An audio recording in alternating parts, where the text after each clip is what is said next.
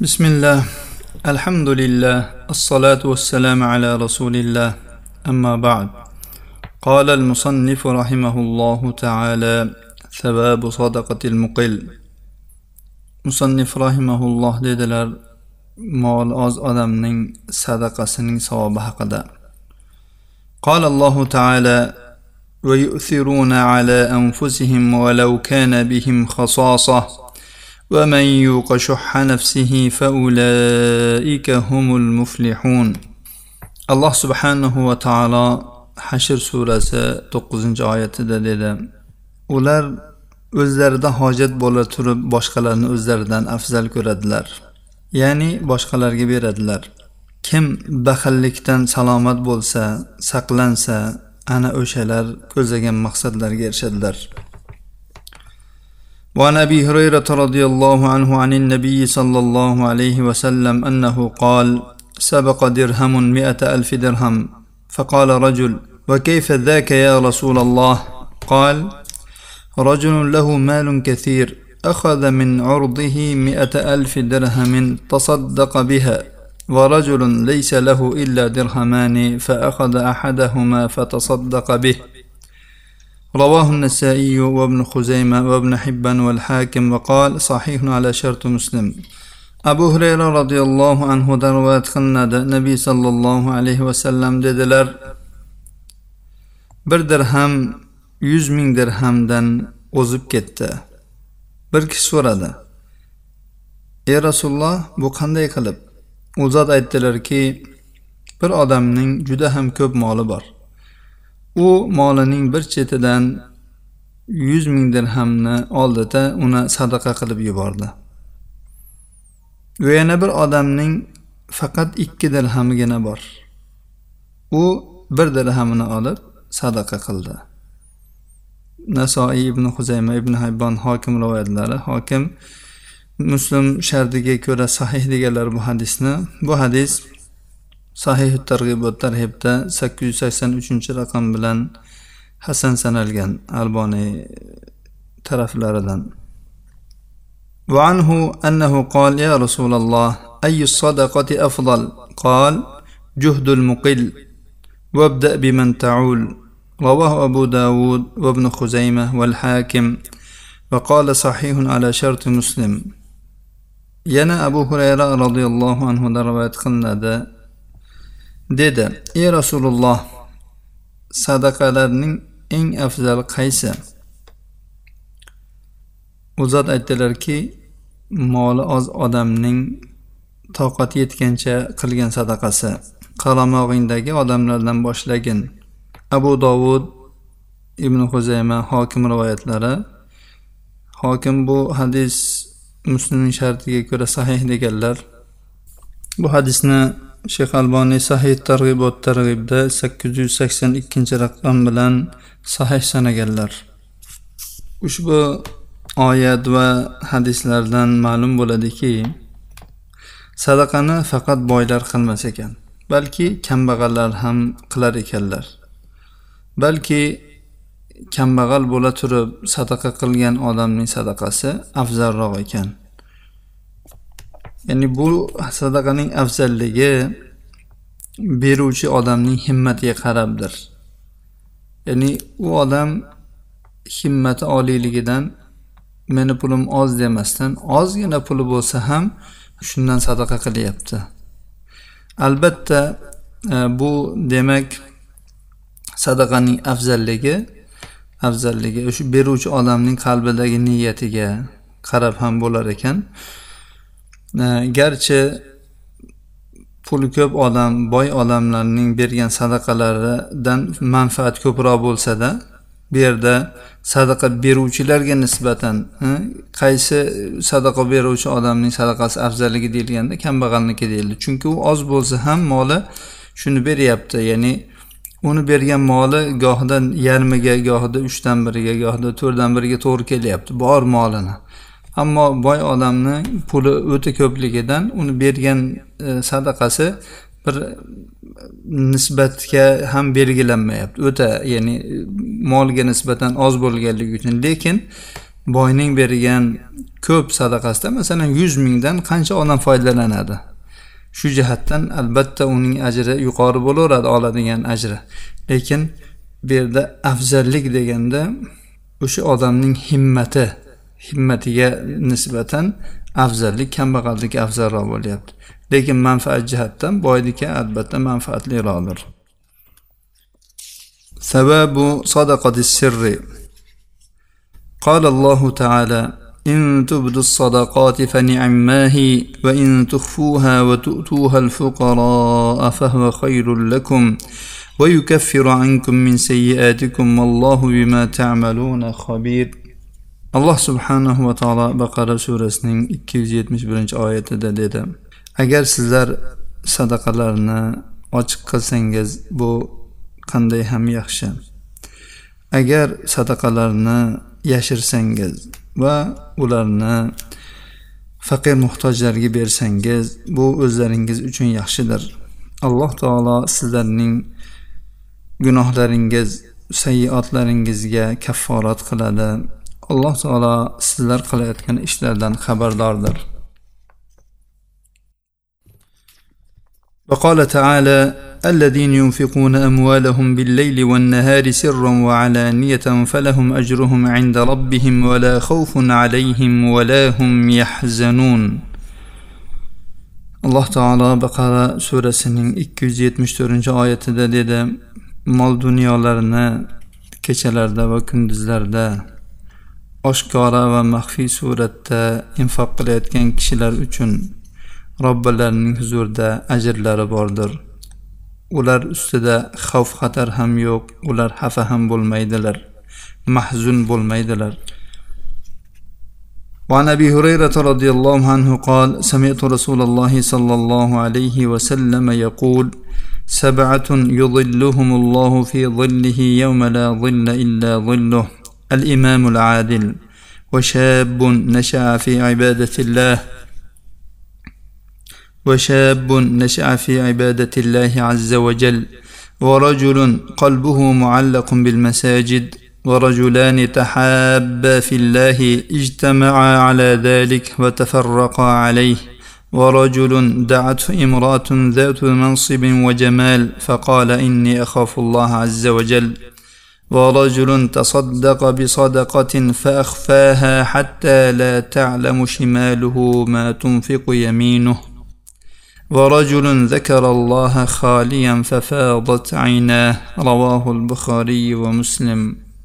أبو هريرة رضي الله عنه در رواية قلنا من رسول الله صلى الله عليه وسلم ناشن ديدي اشتم. Yetti toifa kishilarga alloh azza va jalla o'zining soyasidan boshqa biron soya bo'lmagan kunda ularni o'z soyasida qiladi. Odil imom adolatli davlat rahbari xalifa. Alloh azza va jallaning toat ibodatida ulg'aygan yigit qalbi masjidlarga bog'langan kishi bu yana ikki kishiki allohning yo'lida muhabbatlashishgan. Ular ana shu muhabbat ustida jamlanishadi va ana shuning ustida ajralishadi. Va yana bir kishiki uni mansabdor va go'zal bir ayol o'ziga chorlagan. U esa men alloh azza va jalladan qo'rqaman deb javob bergan. Yana bir kishiki bir sadaqani qilgan uni shu darajada maxfiy qilganki hattoki o'ng qo'li bergan narsani chap qo'li bilmaydi. Yana bir kishiki xoli holatda hech kim yo'q o'zi xoli paytida allohni zikr qilgan va ko'zlaridan yosh quyilgan. Imom buxoriy va muslim rivoyatlari. Demak bu hadisimizda uzun hadisda oltinchi odam maxfiy sadaqa qilgan odamdir uda maxfiy qilganligidan hattoki o'ng qo'li berganni chap qo'l bilmaydi deb ta'bir qilinyapti وعن ابي امامه رضي الله عنه قال قال رسول الله صلى الله عليه وسلم صنائع المعروف تقي مصارع السوء وصدقة السر تطفئ غضب الرب وصلة الرحم تزيد في العمر رواه التبراني بإسناد حسن abu umama roziyallohu anhudan rivoyat qilinadi rasululloh sollallohu alayhi vasallam dedilar yaxshi ishlar yomon oqibatlardan saqlaydi maxfiy qilingan sadaqa rob taoloning g'azabini o'chiradi qarindoshlik aloqasini tiklash yoki bog'lash umrni ziyoda qiladi tabaroniy bu hadisni hasan isnod bilan rivoyat qilganlar alboniy sahih targ'ib va tarhibda sakkiz yuz sakson to'qqizinchi raqam bilan bu hadisni hasanun li g'ayrihi deganlar وعن معاوية ابن حيدة رضي الله عنه عن النبي صلى الله عليه وسلم قال إن صدقة السر تطفئ غضب الرب تبارك وتعالى. رواه التبراني وإسناده حسن في المتابعات. معاوية بن حيدة رضي الله عنه دن رواية قلنا النبي صلى الله عليه وسلم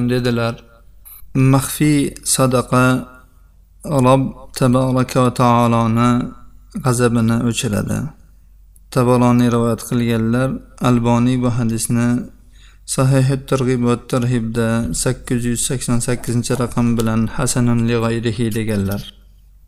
ثواب من رزق كفافا فقنع وصبر وتعفف ولم يسأل أحدا ثقة بالله وتوكلا عليه.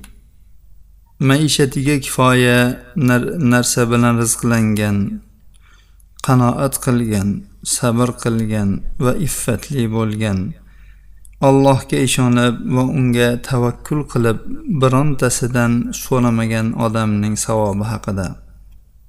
Demak bu bobimiz alloh taoloni berganiga shukur qiladigan qanoat qiladigan sabr qiladigan iffatli bo'ladigan odam.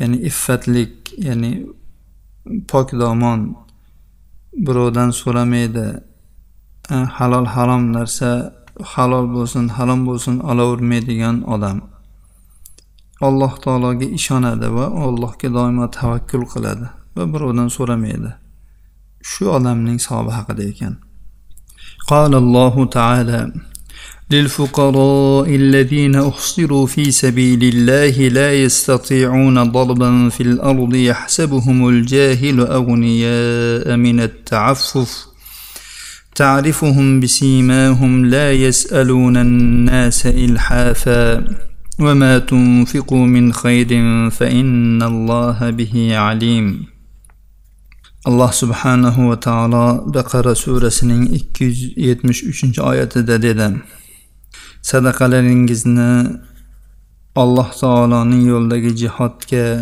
cheklanib qolgan faqir kishilarga bering Ular savdo sotiq qilish uchun tijorat uchun safar qilishga qodir bo'lmaydilar.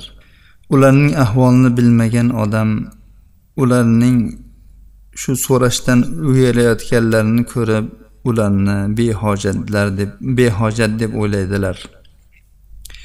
Siz ularni tashqi ko'rinishlaridan bilib olasiz. Ular odamlardan mutlaqo so'ranmaydilar ya'ni so'ramaydilar. sizlar infoq qilayotgan har bir yaxshi narsa ya'ni mol alloh taolo uni albatta biluvchidir قال تعالى فلنحيينه حياة طيبة وروي عن ابن عباس أنها القناعة alloh taolo biz uni yaxshi hayotda yashattirib qo'yamiz dedi yaxshi hayot qanoatli hayot ekanligini ibn abbos aytdilar وعن عبد الله بن عمرو رضي الله عنهما أن رسول الله صلى الله عليه وسلم قال قد أفلح من أسلم ورزق كفافا وقنعه الله بما آتاه. رواه مسلم.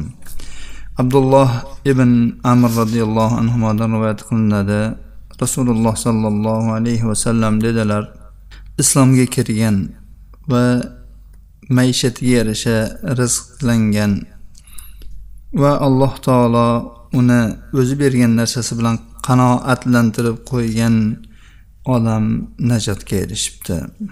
Imom muslim rivoyatlari.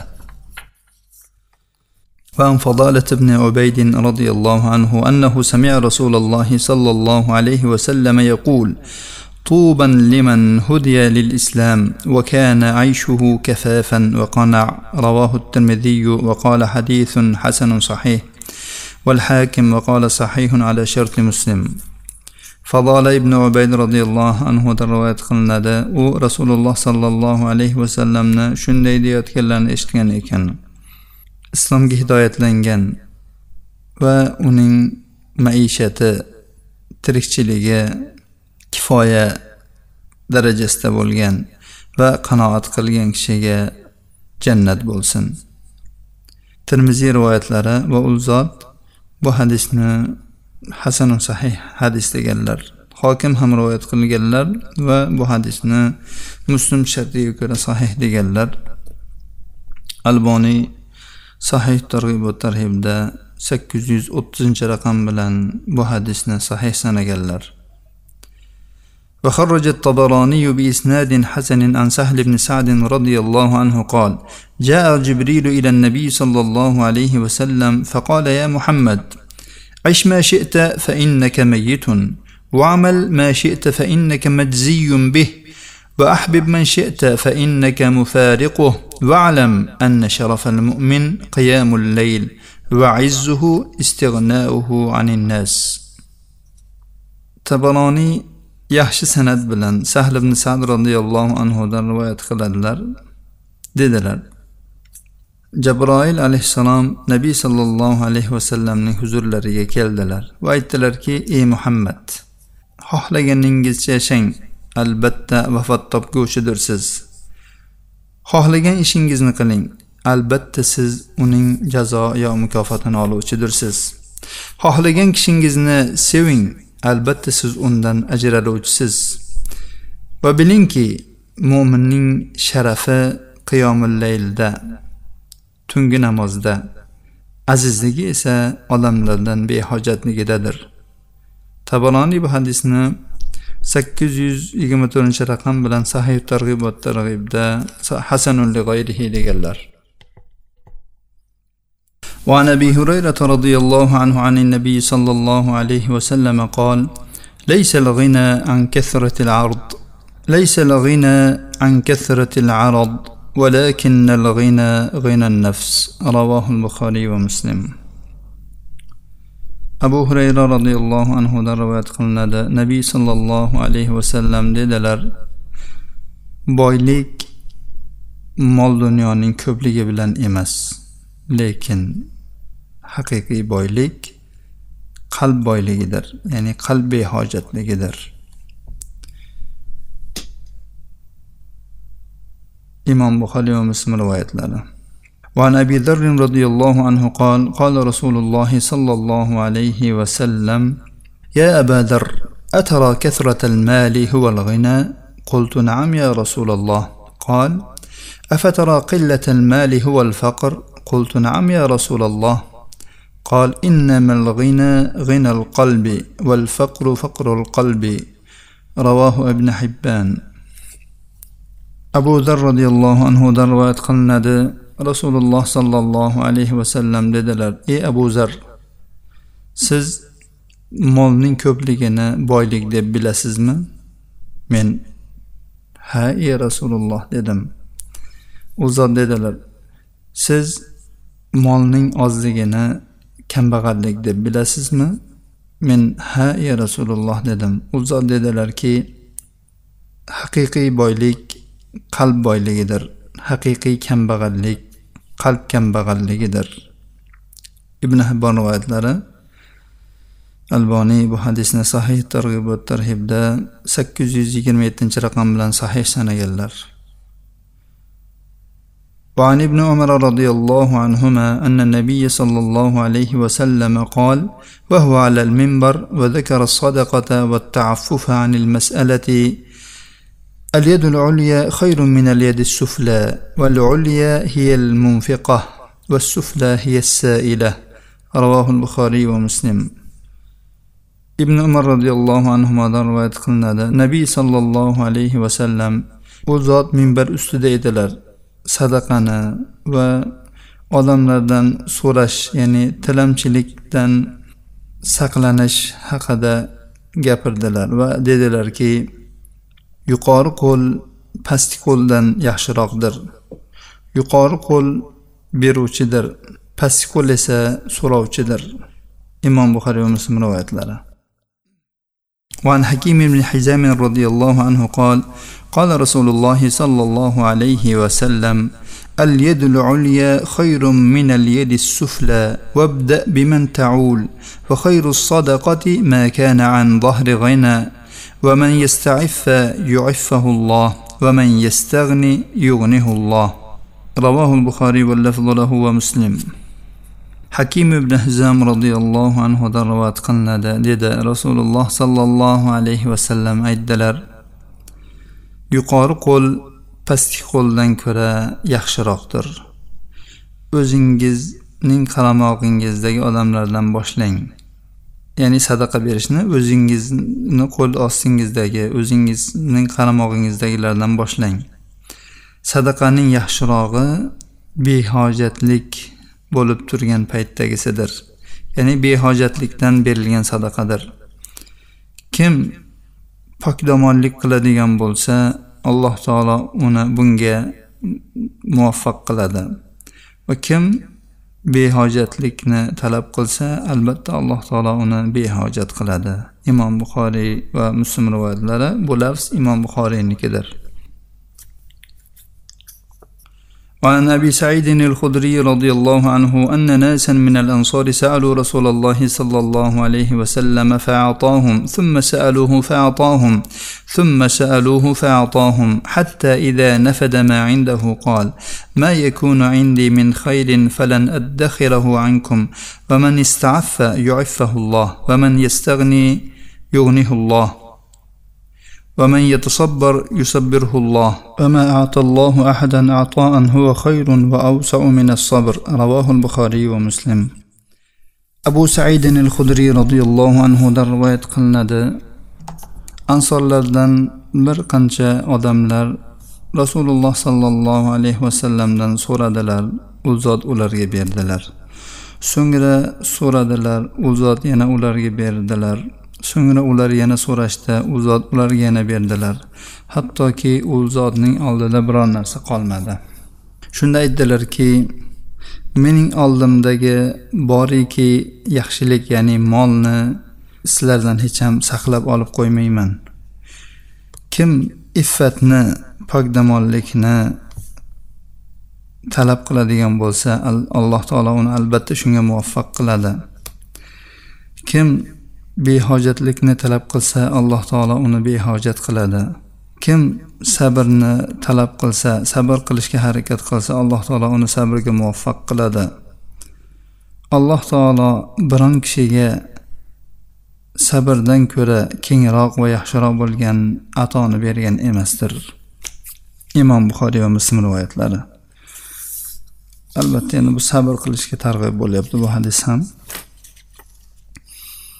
وعن ثوبان رضي الله عنه قال قال رسول الله صلى الله عليه وسلم من تكفل لي ألا يسأل الناس شيئا أتكفل له بالجنة. فقلت أنا فكان لا يسأل أحدا شيئا. رواه أبو داود بإسناد صحيح. وابن ماجه وزاد قال فكان ثوبان يقع صوته وهو راكب فلا يقول لأحد ناولنيه حتى ينزل فيأخذه.